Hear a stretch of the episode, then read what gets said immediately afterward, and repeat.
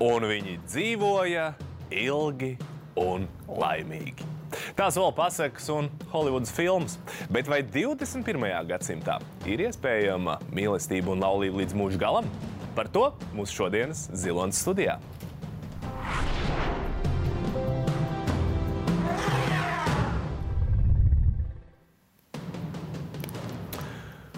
Un šodienas redzējuma viesi ir pierādījums tam, ka ir iespējama ilga laulība.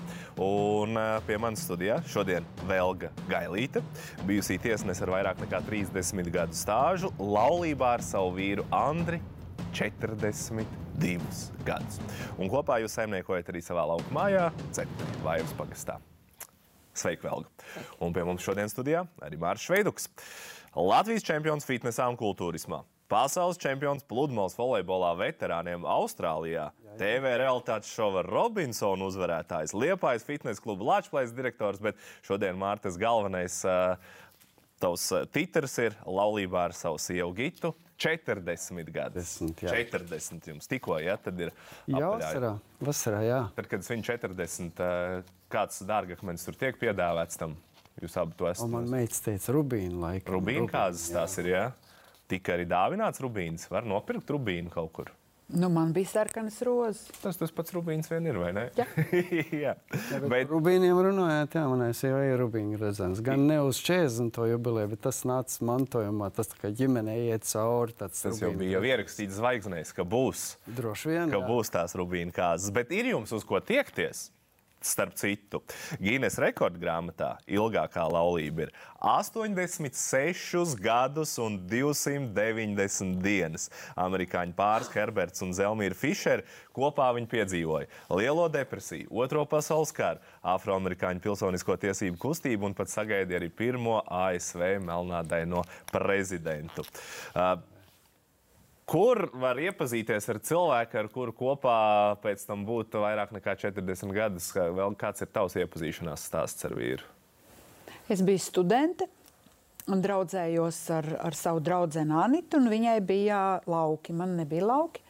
Un es aizbraucu vasarā viņai līdzi, un tur arī bija mans šodienas vīrs. Vai tā bija tā mīlestība no pirmā skatiena? Vēl? Jā, Tā, es nezinu, kas ir mīlestība no pirmā skatiena, bet katrā ziņā tas bija cilvēks, ko es uh, izvēlējos un pieņēmu un gribēju par savu vīru, jo redzēju viņā pietiekami daudz labu īpašību. Es domāju par nākotni, par bērniem, par, par, par visu, kas saistās ar laulību. Un, un esmu pareizi izdomājis. Bet man ir tāds um, teiciens, ka es lūdzu Dievu, lai man būtu labs vīrs. Yeah. Un man arī tika labs vīrs. Savukārt mans vīrs nelūdza Dievu, un viņam jāņem tāda, kāda ir. Nu, tā, tā, tāds mums tas humors ir. Un tas arī bija apsveikums. Es redzēju uh, sociālajos tīklos, kad tu uh, vīru sveic 42. kāzu. To es jubilē. viņam atgādinu, ka vajag lūgt Dievu, tad dabūs to, ko, to, ko vēlās. Bet tas 42 ir kāds māri ir tavs iepazīšanās stāsts ar sievu? Nu, tāds diezgan laikam vienkārši banāls priekš 80. gadiem. Tad bija diska diskotēka bums, un kur tad citur iepazīsies, ja ne diskotēkā. Nu, tad es pēc, pēc uh, Rīgas pēc sporta akadēmijas beigšanas atgriezos Liepājā. Maz pazīstamo bija, bija jāiet uz diskotēku, meklēt jaunu paziņas, un tur tā iekrita acīs tā viena meitene. Nu. Bet tas bija tā mērķiecīgi, tas bija tāds laiks, Mārka, kad, tu, lai, nu, kad nu, vajadzētu jau nobāzēties dzīvē, vajadzētu skatīties, kāda ir ko tālāk veidot to līgstu ģimeni. Nu, patiesībā, jā, tad tajos laikos jau kāds bija plāns vai nu atnākt no armijas eh, un jāskatās, jau jāmeklē sieva, vai nu to es pabeidzu kādu augstskolu. Tāds bija tas plāniņš, dibināt ģimeni. Un, jā, tas tā organiski aizgāja. Bet tas bija tāds sabiedrības uzspiestais plāns. Tā nebija, nu, ka tā sabiedrība saka, ka ir jāatrod tā otra puse, jo katram cilvēkam ir jādzīvo laulībā. Jā, jā. Man bija 25 gadi, kad es uh, apprecējos. Un, tā bija tāda spriedzīte. Nē, nebija tā, ka es par katru cenu gribēju apprecēties, bet visas vecās mammas, tantes, krustmātes un pārējie teica, un tev ir laiks. 25 ir laiks jau. Jā, 25 ir laiks, un uh, toreiz arī uh, ātri tiesneši kļuva 25 gados, un man tieši viss tā saplānojās, ka es pabeidzu studijas, apprecējos. Nu, bērnus gan mēs drusku pagaidījām. Un gan drīz kā pēc grāmatas. Tad. Gan drīz kā pēc grāmatas, tieši tā. Bet uh, toreiz, jā, toreiz tas, tas bija norma. Tas pat bija ļoti, ļoti normāli.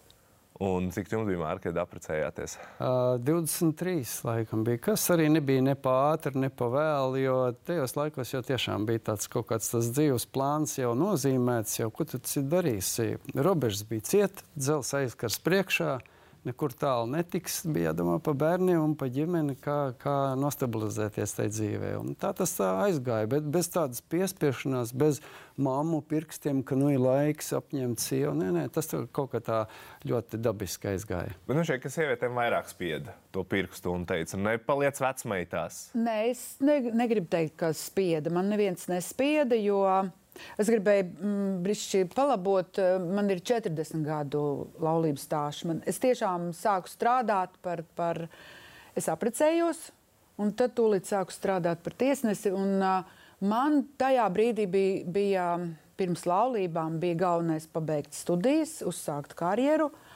Nu, tad es būtu domājis par laulību. Bet sanāca tā, ka Es jau tajā pēdējā gadā iepazinos ar vīru, un tad viņam bija drusku jāpagaida tas gads, kamēr es beigšu. Viņam bija drusku jāpagaida. Jā, tā karjera tad, kad... bija svarīga. Bet tad, kad ir 42 šie kopdzīves gadi, tā, tad jums ir 40 dalība. Tam ir, no, tam ir nozīme, vēl piedod, tiem diviem gadiem. Nu, kad tu saki, es gribu palabot, mēs esam precējušies 40, nevis 42. Nē, tā skaitīšana. Es, es par tiesnesi. À, par tiesnesi, par tiesnesi. Jā, cik bija teikts, ka 30 jā, gadi, jā. tas ir neprecīzi, jo à. 40, jā. Tur gan ir nozīme, tam gan jā. ir nozīme. Uh, Māri, Es saprotu, ka 13. datums ir tavs laimīgais datums, ja tas jā, bija kāds datums. Jā, gan tas, tas nebūtu nav nelaimīgs, tā mēs varētu teikt. Jo 13. datumā tur piedzīvojumi netrūka, jo mums bija kāzas laukos un bija tik negants pērko un negais, viss izlīja pilnīgi, pilnīgi slapi. Tad, un tad tā, tādi, tā kā slapi bebri tur sanāca visus tam svinībām, bet viss bija skaisti un īstenībā bija divi pusdienas svinības. Jā, gan. Nu, kā jau zaļumos, kā jau viss kārtīgi izsvinās, pēc tam otrā diena atgājiens, trešā diena aizbrauciens, nu tad tā tas viss turpinājās. Mēdz teikt, un mēs diezgan daudz arī šeit ziloņu studijā esam runājot par attiecībām, pieminējuši tādus, tādu frāzi, ka attiecības tas ir darbs. Pie tā ir jāstrādā, un tas nav viss tik vienkārši. Nu, te ir man šeit tik vienam skatītājam jāvelk pildspalva un jāraksta visi tie padomi no cilvēkiem ar labu stāžu un pieredzi. Māri, vai tu piekrīti šim apgalvojumam? Nu jā, tieši tā, jā. Nu, kā teikt, pagalīt jau vien pat nedeg. Visu laiku ja tas uguns ir jāuztur, jau kā izdzīvotājiem. Visu laiku uguns jātur, ja nesēdēs badā, tad jā. Un tā ir, nu, ko, ko teikt, nu, ir, ir jākultivē tās attiecības. Jā. Tas, tas, diemžēl, pēdējā laikā varbūt vairāk novērojams tikko, ka kaut kāda mazākā nesaskaņa vai dzirksteli, nē, ejam katrs uz savu pusi. Nu, nu, nē, tā. Kā jau tautā parasti ir, tai tautu vācelītē tā gudrība jau ir, ka no, no vilka beigas uz lāci kritīsi vai kaimiņu dārzā vienmēr ābolu garšīgāk un zāle zaļāk. Nu, nu, nav tā, jā. Ir. No, bet kā tad notiek, nu, ja tu saki, ka tur tā ugunstiņa lēnām sāk apdzist, un tas ir man šeit normāli cilvēka īpašība, ka tā var notikt. Ko tad jūs darat? Jūs sēžaties pie galda, izrunājat, meklējat kaut kādas risinājumus? Es domāju, ka izrunāšanās tas ir viens no galvenajiem galvenajiem tādiem posmiem, un otrs ir tā dzīve, jo tā laulības dzīve sadalās kaut kādos tādos segmentos. Ir tā kā bez bērniem, tad ir bērni, tad viņi aug, tad viņi iet prom, tad atkal nāk mazbērni. Un katrs tas periods sākās ar kaut kādu jaunu ciklu, atkal kaut kas jauns un interesants un vienojošs. Nu, tas arī palīdz uzspodrināt vai noturēt siltas tās attiecības. Vēl kāds ir uh, tavs attiecību noslēpums?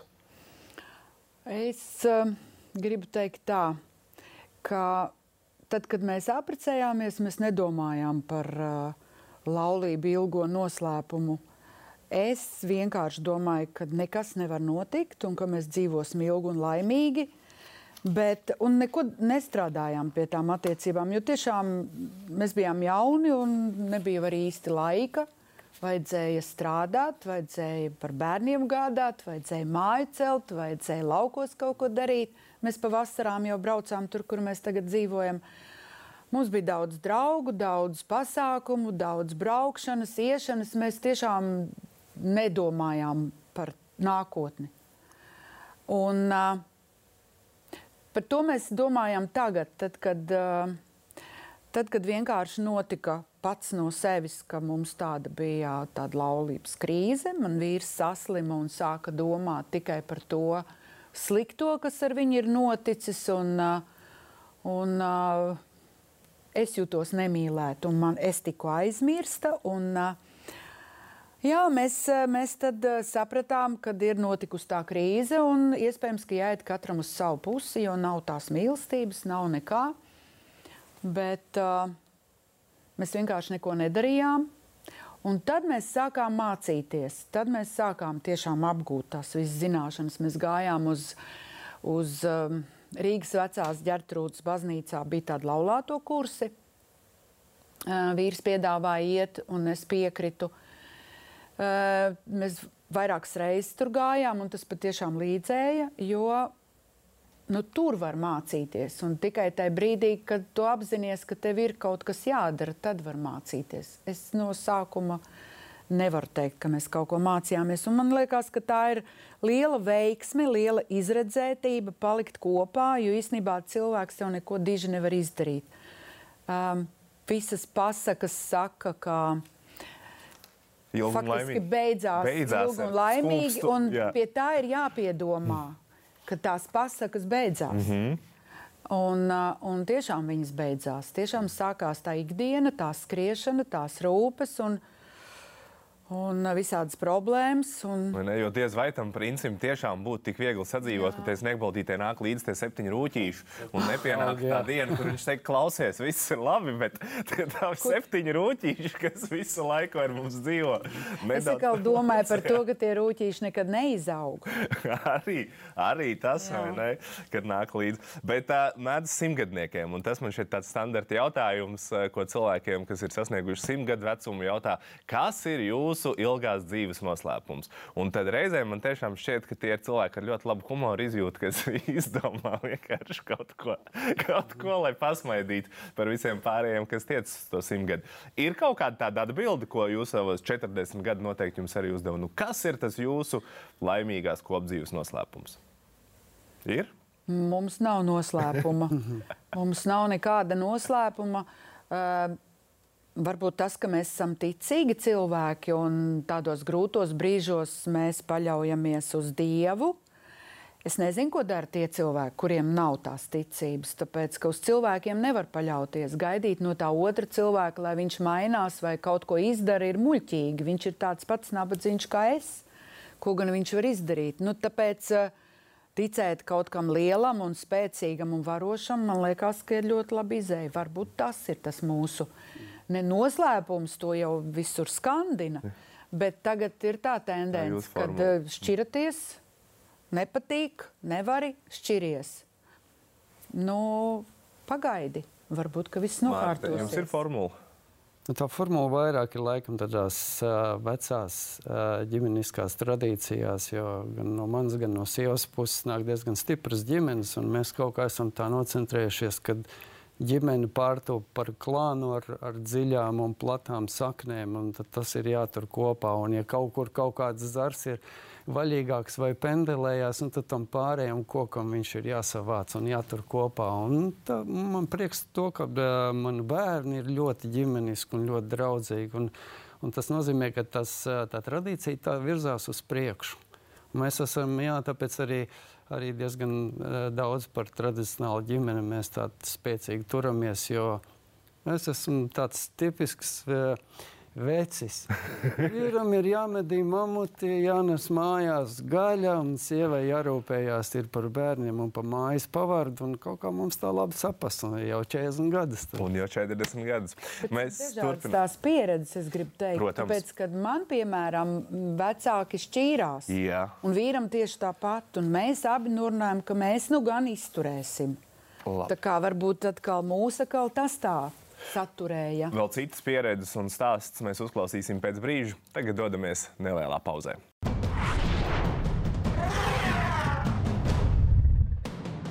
Man šodien personīgi ir ļoti vērtīga mācību stunda, un es arī skatītājus aicinu vilkt ārā savus bloknotes, piezīmi, pilspalvas un rakstīt visus padomus, jo mēs runājam par to ilgi un lai, laimīgi, par laulībām, kas ilgst gadiem līdz mūža galam, un mums no arī studijā ir pievienojusies Aina.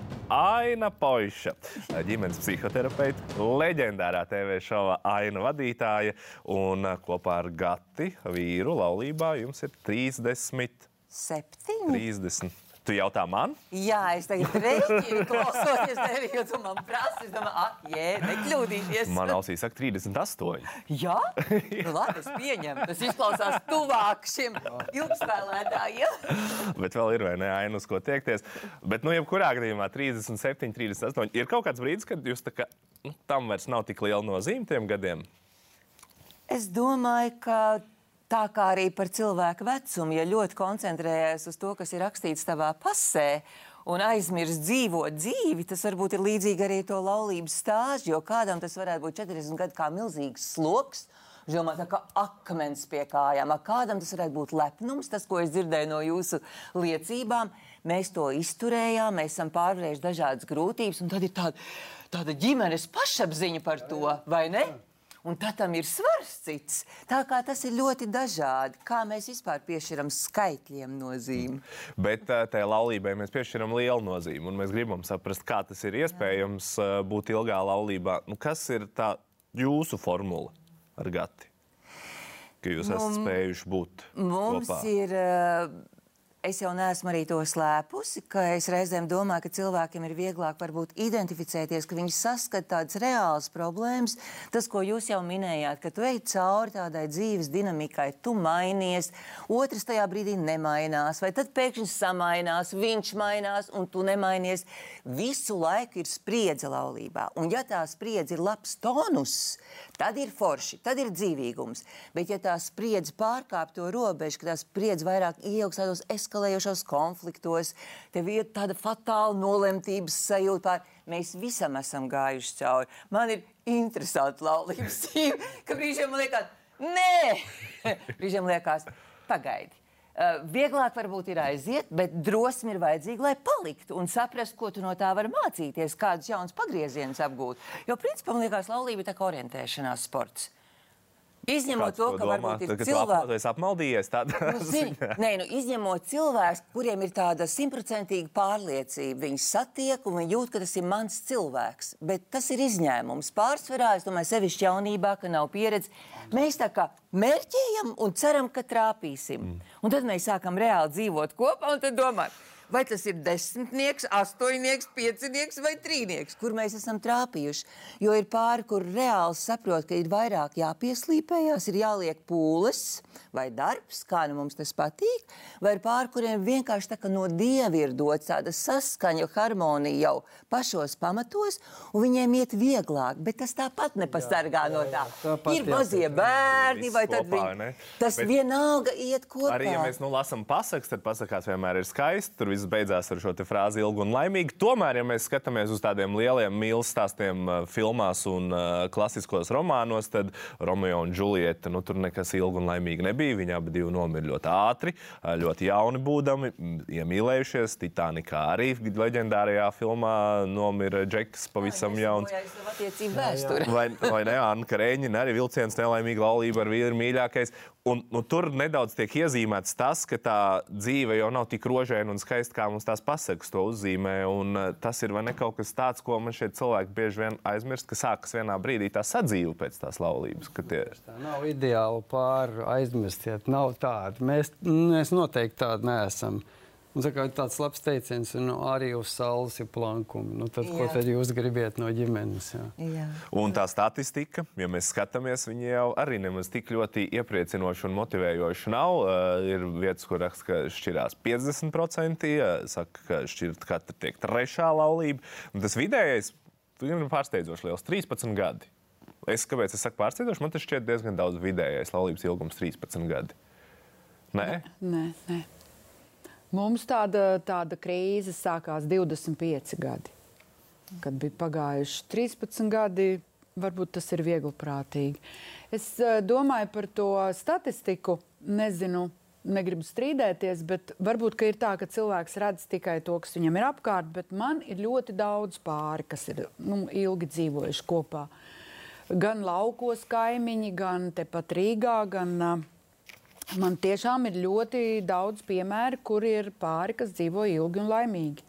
Nu, nē, nu, laimīgi tas ir tas, tas, tas, ir, tas, tas ir tas zilonis, par ko mēs runājam. Jā, jo uh, vienu dienu tu esi augšā, otru dienu lejā, bet ja tu to zini un ja tu to pieņem, ka tas ir normāli, Ja vīrs zina, ka sievai ir dažreiz jūtu viļņošanās, viņš vienkārši nogaida, ka tā jūra beigs viļņoties un atkal būs mierīga, tad jau tad viss kārtībā. Tad tas ir galvenais, ir zināšanas. Man liekas, kad ir. Starp citu, tad, mm. kad iet uh, laulāties, jā. tad tas ir uh, ļoti grūts process. Kādā ziņā? Uh, vismaz baznīcā. Tikai jā. Jā, nē, tā nav. Baznīcā ir jāiet uh, mācības. Mm -hmm. Nezinu, divi mēneši vai, vai pat ilgāk. Um, Un saka, tas jau ir labs pārbaudījums. Jā, pirmais. savukārt izšķirties tagad var pie notāra. Mm. Abi uzraksta iesniegumu, un citreiz viens pat negrib, bet nu, ko tur strīdēsies? Lepnība taču. Es zinu, ka pat attālināti var izšķirt. Nu, kuru var aprecināt attālināti? Nu, tā kā tā šķiršanās šobrīd ir ļoti vienkārša. Bet, Aina, ko tu saki par šo šķiršanās statistiku? Viņi ir palieli un cilvēki šķirās. Un tu jau kā pieminēji, viegli ir izšķirties, grūti ir palikt kopā. Tas ir tāds tā kā īsākais, vieglākais ceļš izšķirties ko cilvēki izvēlas? Nu, mūsdienīgi ir teikt, ka mums ir risinājumi, mēs esam izglītotāki, mēs varam izmantot visas iespējas un atbilstoši savai vērtību sistēmai vai arī iepriekšējai pieredzei, ko jūs pieminējat, kas ir aizmugures pieredze, no kādas izcelsmes ģimenes mēs nākam, kādas ir tradīcijas, nu, kādas ir tās vērtības, ka mēs saprotam, dzīve nav viegla un laulība ir dzīves daļa ka tad mēs vairāk varbūt domājam, bet cilvēki, kas vairāk ir tādi liberālāk noskaņot, ka tās iespējas ir tur, tur, tur. Un es tajā savā brīvības sajūtā mm -hmm. pieņemu, ka tas ir risinājums pie notāra. Vienkārši pie pirmajām grūtībām, ja negribi iet vēl pamērīt, piemēram, pie pārterapeita, tas, ko jūs izmantojat. Mm -hmm pamērīt to temperatūru, vai tiešām visi resursi ir beigušies, ja ir vienkārši samilzuši neatrisināts lietas, kas rada smadzenēs tādu negatīvu attieksmi pret to, ka tu neredzi vairāk neko pozitīvu. Tas vienkārši ir smadzeņu darbības rezultātā. Tā nav realitāte, tā ir iekšējā realitāte. Un līdz ar to es esmu tāda uzmanīga, teiksim, strādājot ar pāriem, kuri nonākuši krustcelēs, šķirties vai nē. Ja viņi ir atnākuši, tad man liekas, tā jau ir laba ziņa. Tas jau ir Kaut arī viņi paši to nesaka, kad viņi ir gatavi pamērīt. Mm. Kaut arī viens ir bijis aktīvāks, un otrs tā skeptiski ir atnācis līdzi, nu, ja jau tev vajag, tad tā. Bet tajā sarunā es esmu arī teikusi vīrietim, es redzu, ka jūs esat atnācis līdz sievas dēļ, bet tas, ka jūs esat atnācis, tas man tas liek domāt, ka jums ir svarīgs tas, kas ar viņu notiek, un svarīgi arī tā jūsu savienība. Un tad reizēm viņš ir pārsteigts, ka tu viņam parādi pozitīvāk to atnākšanu, nekā nu, jūs jau droši vien tāpat neko negribat, lēmums jau ir pieņemts un bla bla bla. Par tām krīzēm runājot, ir tādas izteiktās krīzes, par uh, kurām jūs varēsiet arī padalīties ar savu pieredzi, kas tiek minēts laulībā. Pirmais - finanšu nedrošība, par ko tiek runāts, par to, ka varbūt pietrūkst kaut kāda nauda. Tā varētu būt, nu, ka tā nepietiekamība rada problēmas. Vai ir bijusi dzīvē, vai jūs tur? Tā nav. Nē, jums, tā nav, nē. jums tā nav bijis. Nav, nav tā, ka vienmēr viss, kas ir un, un pārpaliek, bet tā noteikti nav šķiršanās problēma. Mm -hmm. Tas ir uh, izdomāts attaisnojums. Bērnu ienākšana ģimenē arī tiek minēta kā viena no pamatīgākajām krīzēm, kur patiesībā tas pāris kaut ko grib skaisti sagaidīt, bet saprot, ka tur daudz kas cits atklājās. Nu, man arī tādas pieredzes nav, jo man vīrs ļoti palīdzēja bērnu audzināšanā un, un, un tiešām visā atbalstīja. Par šo es arī nevaru teikt. Mārim arī tā, bērnu svēta lieta. Diez, ko labi, tas nekas kā apkājies ir pavisam jāpalīdz. Nu, mums tā ir iet, nav, ne, netiek dalīta tur tā kā tas sieva bērnu svēts un vīrs. Nē, bērni, tas ir tā ir vērtība, un tas ir lielākais prieks dzīvē, manuprāt. Bet tu aim piekrītoši māju, dzirdot šo bērnu ienākšanu ģimenē. Es piekrītu, jo šī paudze, kuriem tagad ir ap 30, Viņi ir vairāk orientēti uz to, ka viņu personiskās vajadzības ir ļoti svarīgas.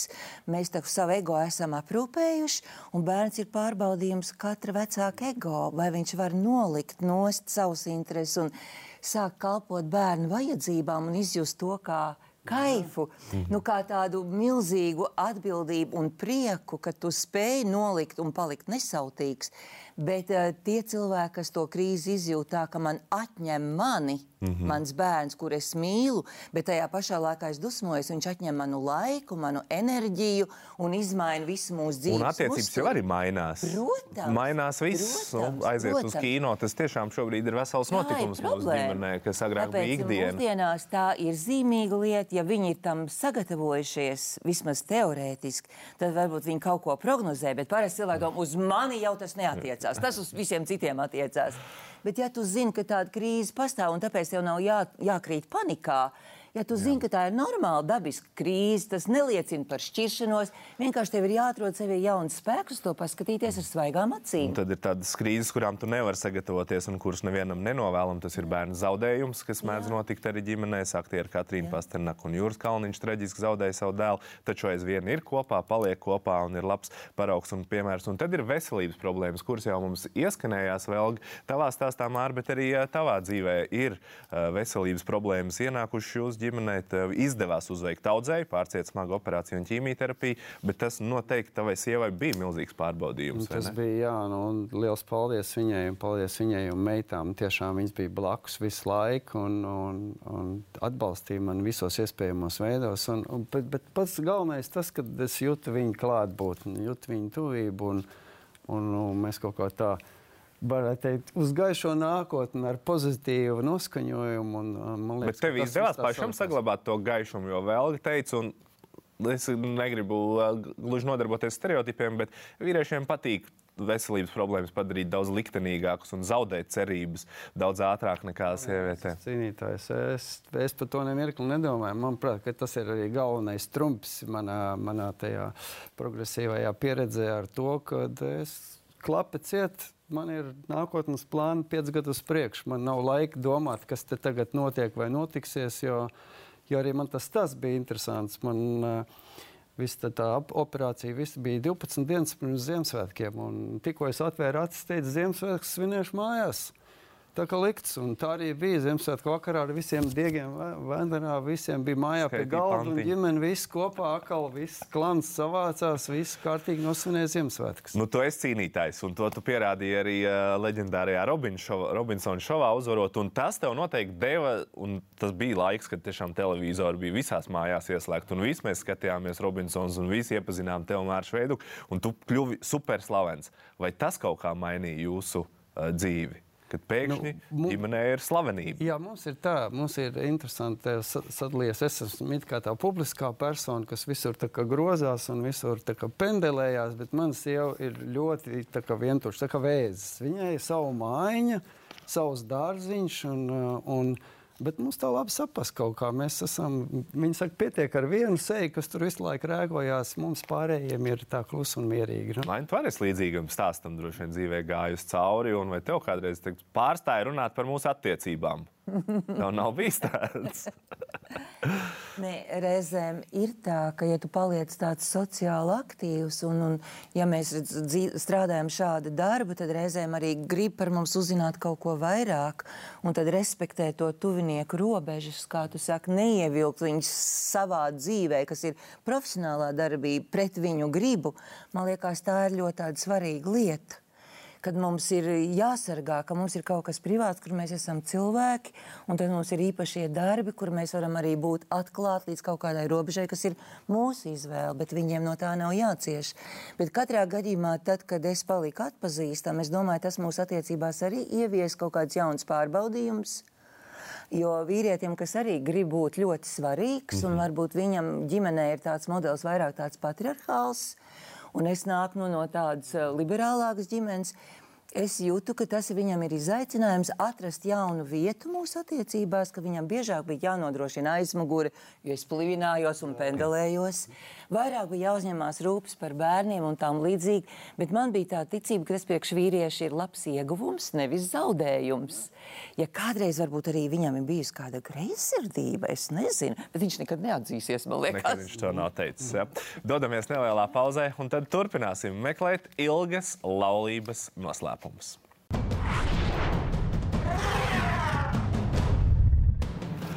Viņi stāv pie altāra un saka, jā, līdz nāvei mūs šķirs, mēs būsim kopā. Bet tā, tajā visā kāzu skaistumā, burvībā un jandāliņā varbūt pat nemaz tik daudz netiek domāts par to, kas tad patiesībā te zvērstā izskan. Un tad tu nonāc laulībā un, un tad sāc domāt. Kā tad nodzīvot ilgi un laimīgi, kā nodzīvot līdz tam, lai nav mūs šķirt. Šodien mēs arī runātu, runājam mūsu zilonas studijā tēmā un izskanēja jau šī te skaistais teksts un aina noteikti tam pievienosies. Lietas ir jāizrunā, vai ne? Viens fantastisks piemērs mums ir no Japānas. Kāds vīrs ar sievu nodzīvojis kopā ļoti ilgi, bet vismaz 20 gadus viņi savā starpā nesarunājas. Jo vīrs ir apvainojies uz sievu, un viņa esot mēģinājis vēl to sievu kaut ko runāt, bet viņš, viņš ir apvainojies, un viņš jau 20 gadus ar sievu nesarunājas. Tā ir iespējams, izņemot šo vienu eksemplāru, nodzīvot, nesarunājoties, neizrunājot problēmas. 40 gadus tā var nodzīvot. Es nezinu par Japāņiem. Latvieši varbūt ka var. Ir tā, ka nu, man, piemēram, vīrs arī nav runātājs. Un es esmu runātāja. Un viņš nemīl runāties. Viņš uh, saka, jā, jā, jā.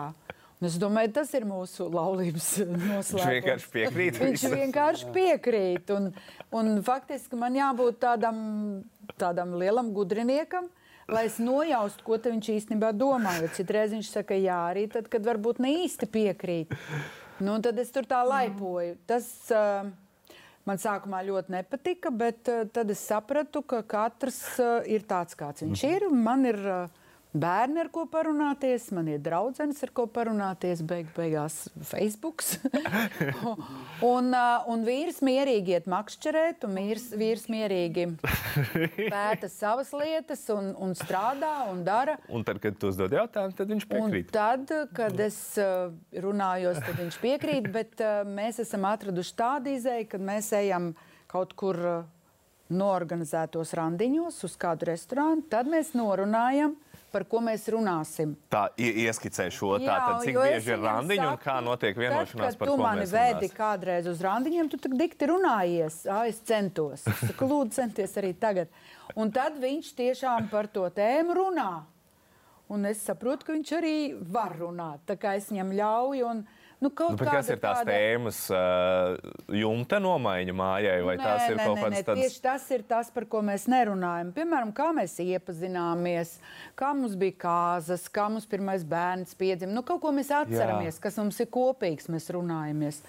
Vai arī tad, kad ir kādās viesībās pāris dejo, pavērojiet. Tas, kas ir jau sen uh, laulībā, viņi skatās apkārt, pēta citus un faktiski nu, kā ar Lēli varētu dejot.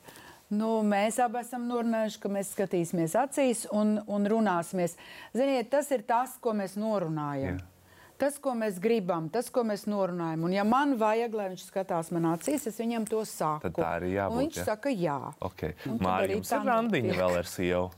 Jā, īstenībā tā ir ļoti laba ideja. Tas ir jā, tāda, tāda randiņa atsvaidzina tās attiecības. Nevarētu teikt, ka mēs šajā jomā varētu progresēt vairāk, mm. mazliet, jo tagad ir mazbērnu laiks. Īstenībā mēs tā kā arī tik bieži netiekam, kā tu teici, uz kino tik bieži netiekam. Mm. Ja? Bet, bet tas tā tiešām ir laba sakna, kad aiziet divi tā, tiešām parunājās atcerās kaut ko, un tad uzreiz tādas vienojošas, tādas siltas saites atkal paliek, paliek tādas tuvākas. Vēl mēdz teikt, ka tāds kopīgs projekts ir atslēga uz ilgstošu kopdzīvi, vai nu tie būtu tie paši jau mūsu pieminētie bērni, vai mājas veidošana, sportošana, ceļošana. Zigmārs Liepiņš, arī komponists ar sievu mirdz zīve, ir ļoti daudz ceļo, un viņš saka, ka tas ir tas, kas viņus tur kopā, un vienā no saviem kruīzu kuģi izbraucieniem trīs mēnešu ilgajā tur tapa arī pirmā Zigmāra Liepiņa oratorija. Tas ir tas vienkārši aizbēgt no tās ikdienas. Mums tā bija. Mēs, um, Mēs abi divi norunājam, ka mēs, tad, kad aiziesim no darba, brauksim uz laukiem. Un mēs aizbraucām uz laukiem. Tagad mēs trīs gadus nedzīvojam Rīgā, dzīvojam laukos. Tur mums ir tas projekts. Mums viss, nu nezinu, nu, kas jau tur tādiem pilsētniekiem ir jādara. Viss ir jauns un viss kaut ko mēs mācāmies. Un mums ir tā mājiņa jau šķubina un, un, un es nezinu, visādi projekti ar kaut kādām augstajām dobēm, vai tagad šogad mēs eksperimentējam kartupeļus, iestādījām zem salmiem. Mēs uh, neesam īsti laucinieki, jo mēs neejam iestaigāto taku, mēs visu kaut ko eksperimentējam un ir interesanti. Mēs vadām sienu, piemēram, briežiem, un tad mm. viņus pētām pa logu, kā viņi tur pārdīķi mēģina. Kaut kā piepildīt to savu dienu, jā. lai viņi nav pie sveiciens visiem TV skatītājiem pie televizora, lai viņi nav jāpavada. Nu, tieši tā, tā kā jā, ir jāmaina kaut kas. Uh, Bet tā, tas, ko mēs līdz šim neesam pieminējuši, bez skaidrs, ka laulība nevar iztikt bez intīmām attiecībām un pārattiecībām. Aina, cik svarīgs ir, lai saglabātu šī intimitāte? Nu, jaunībā varbūt ir svarīgāka kaislība, bet ar gadiem briedumā man liekas ļoti svarīga emocionālā tuvība, no kuras tad atspērās arī uz kaut kādu maikumu izrādīšanu un tuvināšanos arī seksuālajā ziņā, jo seksuālā tuvība tomēr ir ļoti būtiska, tāpat kā kvalitatīvas sarunas. Nu, ja tā izvelk fokus, nu, kas ir svarīgi, lai cilvēkiem būtu brīvprātīgi vajadzība skatīties acīs, pieskarties, nebaidīties pavadīt laiku kopā, nerunāt tikai par sadzīves problēmām, bet runāt par mums, par mums, kas mums ir labās atmiņas, jeb kas varbūt ir tas, kas varbūt ir drusku sāpīgs, un mēs normāli atmosfērā to atļaujamies izrunāt. Tas ir tas labākais, ko mēs varam darīt, lai mēs justu vispār vēlmi, tieksmi pēc dziļākās tuvības ar otru cilvēku. Jo reizēm ir tā, ir tik daudz samilzušas tādas emocionālās vai sadzīves problēmas, ka cilvēki līdz seksuālai interesei vairs netiek. Viņiem nav tam spēka. Vienkārši negribās, un viss ir kaut kāda aizvainojuma, neizrunātas mm. lietas, atsvešināšanās ļoti jūtīgs ir tas temats, ko jaunībā dara hormoni paši Jā. par sevi. To briedumā, es domāju, tā ir arī tā kā puķīte, tāpat kā vispār attiecības. Ja tev viņa patīk, tu viņu noplūc, bet ja tu viņu mīli, tad tev par to ir jārūpējās. Nu, un, ja viņi tev nepatīk, tad tu viņu izmet, tad tu šķiries. Tad tu šķiries, un, tad, un tu, tad tu meklē citā dārzā. Jā, un dodies uz citu dārzu. Un, uh, daži, uh, daži tādi dārznieki mums ir, ir apkopot. Režisori Ilona Brūve ir atzinusi, ka viņai bijuši trīs vīri, viens civilvīrs, viens mīļākais un 15 gadījumu sakari. Uh, menuet dalībniekam Adrianam Kukuvasam bijuši trīs sievas, un uh, tad ir tādi vīrieši kā viens indietis Zions, kuram tik ļoti patika precēties, ka viņš ir apprecējis 39 sievas, 94 bērni nu viņam ir un 33 mazbērni. Jūs pieminējāt to, ka tā ir tāda mūsdienu tendence. Mēs varam tiešām runāt tā ātrā padošanās. Tas ir kaut kas tāds manas paudzes stāsts. Nezinu, man ir arī tādas draudzenes, kas nu, pieķer vīru laulības pārkāpumā un tūlīt pasaka, ka viss ir šķiros, ej projām. Uh, Viņš arī, protams, aiziet projām, un tad viņas arī tā visu mūžu nodzīvo vienas. Es saku, man nav tāda pieredze, bet es domāju, nu, bišķiņi vajadzēja pagaidīt. Nu, pa, pagaidi, nu, varbūt, ka tas nokārtotos. Cits jautājums, vai var piedot, nu, atkal pagaidi. Laiks, man liekas, ir vajadzīgs laiks, bet šodien cilvēkiem ir padoms. Šķiries, ej, dzīvo, esi brīva. Nu, un pēc tam, ko ar to brīvību darīt? Un es esmu arī dzirdējis šo stāstu, kur cilvēki pēc 40 gadiem izšķirās, ja tur ir bijis šis sānsolis, un tur ir noticis kaut kāds. Un 40 gadus ir bijusi šī kopdzīve, vai tas ir tāds tiešām tāds lēmums, loģisks pēc 40 gadiem teikt, viss es tev vairs nespēju piedot. 40 nē, gadus. nē, nē, visi var kļūdīties. Un, un, uh, nokavēties, neatnākt laicīgi mājās, tā ir kļūda, un tāpat arī var pārkāpt laulību. Man liekas, tas ir atkal svarīgi, vai tas ir izdarīts kaut kādā dzērumā un stulbībā, vai tas ir apzināti. Nezinu, nevaru analizēt, bet uh, man liekas, ka uh, laiks ir vajadzīgs. Visam ir vajadzīgs laiks. Mm gan sāpēm, gan priekam vajadzīgs laiks. Tāpēc nu, nevajadzētu steigties. Bet kāds cits teiks, tā dzīve ir tik īsa, ka es īstenībā neesmu gatavs veltīt laiku, lai kaut kam piedotāju. Nu, kā zināt, nu, cīnīties vai tomēr ļauties? Es esmu pamanījis, ka ir atšķirība. Ja ir vīriešu sāncos, tad sieviete jūtās aizskarta ne tikai personība, bet ka visa ģimene tiek nodota. Jo sievietei vairāk aiz muguras stāv tā ģimenes sajūta. Ja ir sievietes sāncols, tad vīrietis jūtas ļoti personīgi aizskarts. Un kāda ir katra spēja, kapacitātei piedot, izprast, jo nekad jau, kā mēs zinām, viena pagala nedēļa, kādam kaut kas pietrūks. Es nerunāju par to kategoriju, kuriem vispār nav atbildības, kur vienkārši iet pa dzīvi, Jā. kā tauriņi, ja no ziedu uz ziedu, bet par normāliem cilvēkiem, kuriem sakrājās kaut kāds deficīts, tas sāncols jau ir sekas kaut kam un tā attieksme pret šīm sekām ir atšķirīga vīriešiem un sievietēm. Ja to zina, tad arī man liekas vieglāk saprast, kā šo grūtību tajā ģimenē, lai viņi nesabrūk, varētu tomēr risināt. Cilvēkam nevar piespiest piedot, tā ir tikai viņa izvēle. Jūs ar savu piemēru, saviem bērniem, kā jūs paši jūtaties? Jūs vairāk esat tāds paraugs, kā veidot ilgas attiecības un būt kopā, vai tomēr tāda uh, papildus sloks un atbildība bērnam, kurš saka, nu, viņi ir tik ilgi kopā. Es taču nedrīkst būt sliktāks, un man arī ir jāciešās un jābūt kopā ar to otru pusi līdz mūža galam. Man liekas, ka tas nav labs piemērs, jo viņiem ir ļoti, ļoti augsta latiņa, un viņiem ir grūti. Mm -hmm. Viņiem ir grūti, un uh, tā ir viņiem spriedze. Tas kā populāri aktieru bērniem vai populāri Jā. dziedātāju bērniem.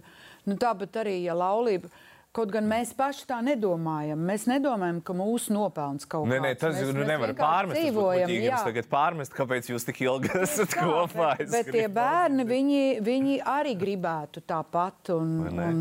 Mār, kā ir jūsu ģimene, kā ir tavām meitām? Ja, ne, es domāju, ka viņām ir, ir tāds, tāds labs šablons iedots. Ir, protams, jau neko neuzspiedījusi nekā, bet mēs skatāmies, man nu, jau pār pa desmit gadiem meitas ir precējušās un vai dzīvo kopā turpat 20 gadus. Tur viss notiek, un arī tāpat tās nav pie pirmām kaut kādām nesaskaņām, ne, netiek šķilts, tur dzirkstels un, un mētāts rokas kurpes pa gaisu. Tur ir jācenšas atrast to sakni. Tā kā Aina pareizi teica, ir kaut kur jau tā sakne ir, un pēc tam tās sekas tikai ir. Nu, ja, ja to spēj kaut kā risināt un mēģināt kaut kam tikt tam pāri, tad jau viss nokārtojās. Bet reizēm man ir jāpamet tās kurpes, reizēm ir jāpavaļaus tās. Tas ar to dzīvi un to laulību padara interesantāku. Milzīgs paldies jums, ka jūs šodien viesojāties pie mums studijā, dalījāties uh, savos pieredzes stāstos un ieteikumos. Sadzirdējis esmu, pierakstījis pāris padomus esmu un saku paldies arī skatītājiem un klausītājiem, jo starp citu Zilonas studijā šobrīd klausāms arī uh, raidierakstu formātā visās raidierakstu platformās. Savukārt par šo tēmu un citiem ziloņu tematiem lasiet tv3.lv. Slīps Vītra Zilonis. Visu labu!